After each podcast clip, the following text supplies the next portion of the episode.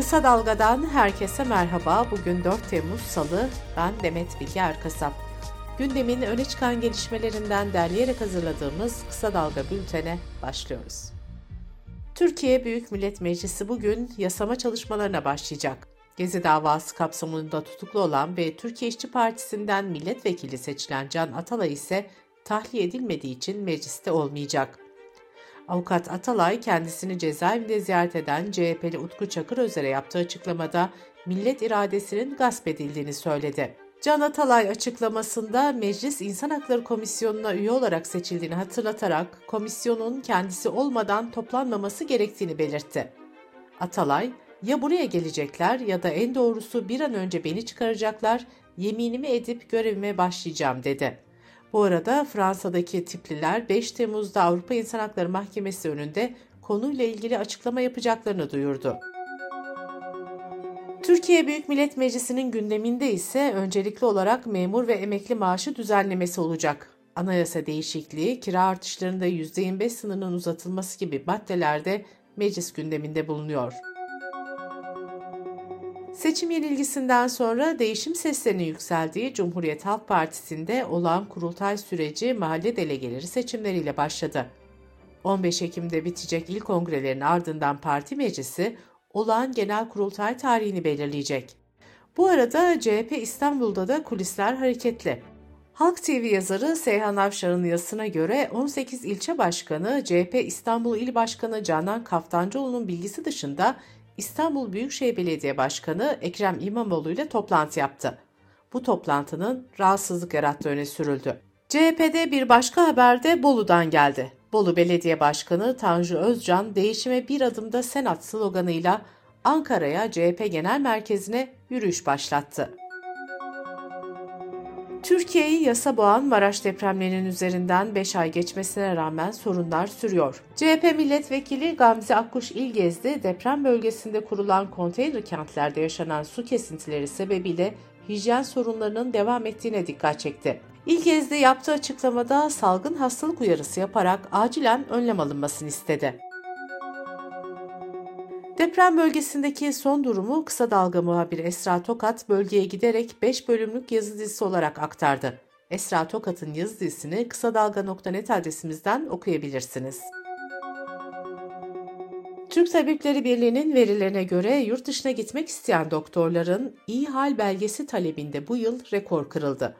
6 ayda 1361 hekim başvurdu. Geçen yıl toplam başvuru sayısı 1171'di. Kısa Dalga Bülten'de sırada ekonomi haberleri var. Akademisyenlerin ve ekonomistlerin bağımsız biçimde oluşturduğu enflasyon araştırma grubu Haziran ayına ilişkin enflasyon verilerini dün açıkladı. Enag'ın verilerine göre aylık enflasyon %8.54, yıllık enflasyon ise %108.58 oldu. Ocak-Haziran dönemi enflasyon oranı ise %50.53 olarak açıklandı. Merkez Bankası'nın anketinde ise Haziran ayı enflasyon beklentisi %2.81 oldu. Yıl sonu enflasyon beklentisi ise %37.17'den %38.55'e yükseldi. Türkiye İstatistik Kurumu ise Haziran ayı enflasyon rakamlarını 5 Temmuz çarşamba günü saat 10'da açıklayacak. Dünya Bankası gıda güvenliği raporunu güncelledi. Buna göre en yüksek gıda enflasyonu %471 ile Venezuela'da gerçekleşti. %350 artışlı Lübnan ikinci sırada, Zimbabwe ise %117 ile üçüncü sırada bulunuyor. TÜİK'in verilerine göre Mayıs ayında gıda fiyatlarının bir önceki yıla göre %52 oranında arttığı Türkiye ise listede 10. sırada yer alıyor. Merkez Bankası'nın 27 ay sonra ilk kez faiz artırımına gittiği 22 Haziran'daki toplantısına ilişkin özet metni yayımlandı. Yüksek enflasyona dikkat çekilen metinde mevcut para politikasının %5 enflasyon hedefini gerçekleştirmekten çok uzak olduğu vurgulandı. Ticaret Bakanlığı Haziran ayı dış ticaret verilerini açıkladı. İhracat %10,5 azalarak 20.9 milyar dolara geriledi. İthalat ise %16.8 oranında daraldı. Haziran ayında dış ticaret açığı yıllık bazda %34,5 azalarak 5.3 milyar dolara geriledi. Yüksek hızlı tren biletlerine %30 zam yapıldı. Zam sonrasında Ankara-İstanbul bilet fiyatı 248 liradan 323 liraya yükseldi. Ankara-Konya 146 liraya, Ankara-Sivas 312 liraya ve Ankara-Eskişehir'de 136 liraya çıktı. CHP İstanbul Milletvekili Suat Özçağdaş fahiş kira artışını meclisin araştırmasını istedi.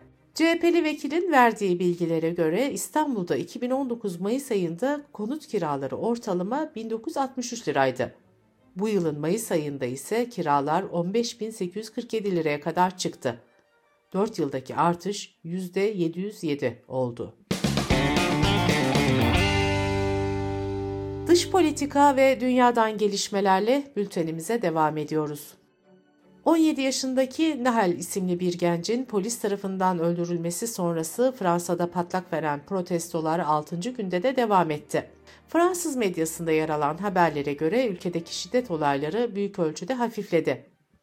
İngiliz Guardian gazetesi ise Nahel'in büyük annesinin sükunet çağrısından sonra şiddetin dozunun azaldığını yazdı.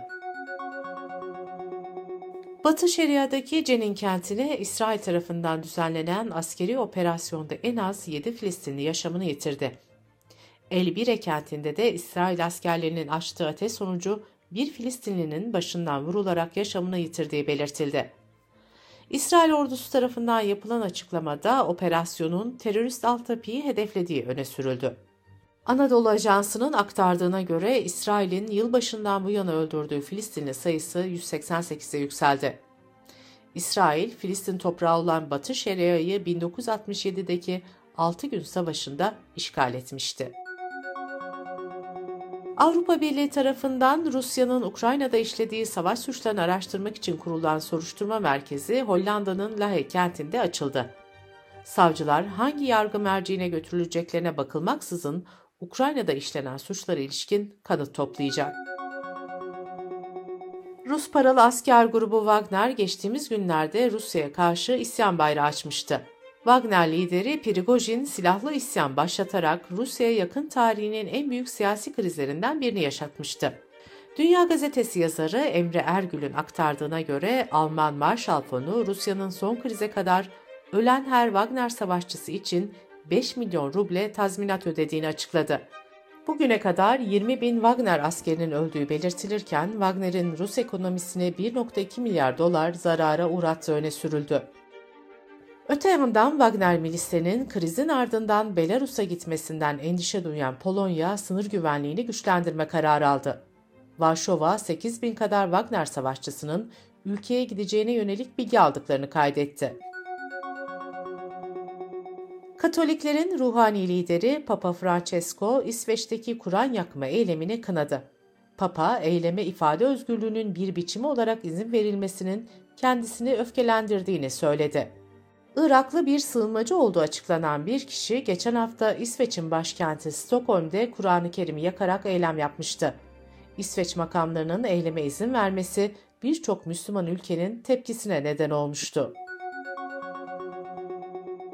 ABD Başkanı Joe Biden'ın Afganistan'da El-Kaide ile mücadelede Taliban'dan yardım aldıklarını söylemesi büyük şaşkınlık yarattı. Taliban yönetimi açıklamayı memnuniyetle karşılarken muhalifler ise Taliban'ın ABD'nin kölesi olduğunu öne sürdü. Filipinler'de bir reklam ajansı ülkenin turizm tanıtım videosunda başka ülkelerden görüntü kullandığı ortaya çıkınca özür diledi. Filipinler Turizm Bakanı videonun yapımında kamu parasının kullanılmadığını söyledi.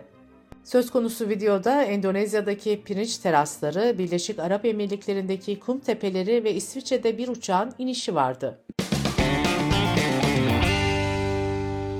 Bültenimizi kısa dalgadan bir öneriyle bitiriyoruz. Gazeteci İbrahim Ekinci'nin bir haftanın ekonomi gündemini yorumladığı Marjinal Fayda programını kısa dalga.net adresimizden ve podcast platformlarından dinleyebilirsiniz.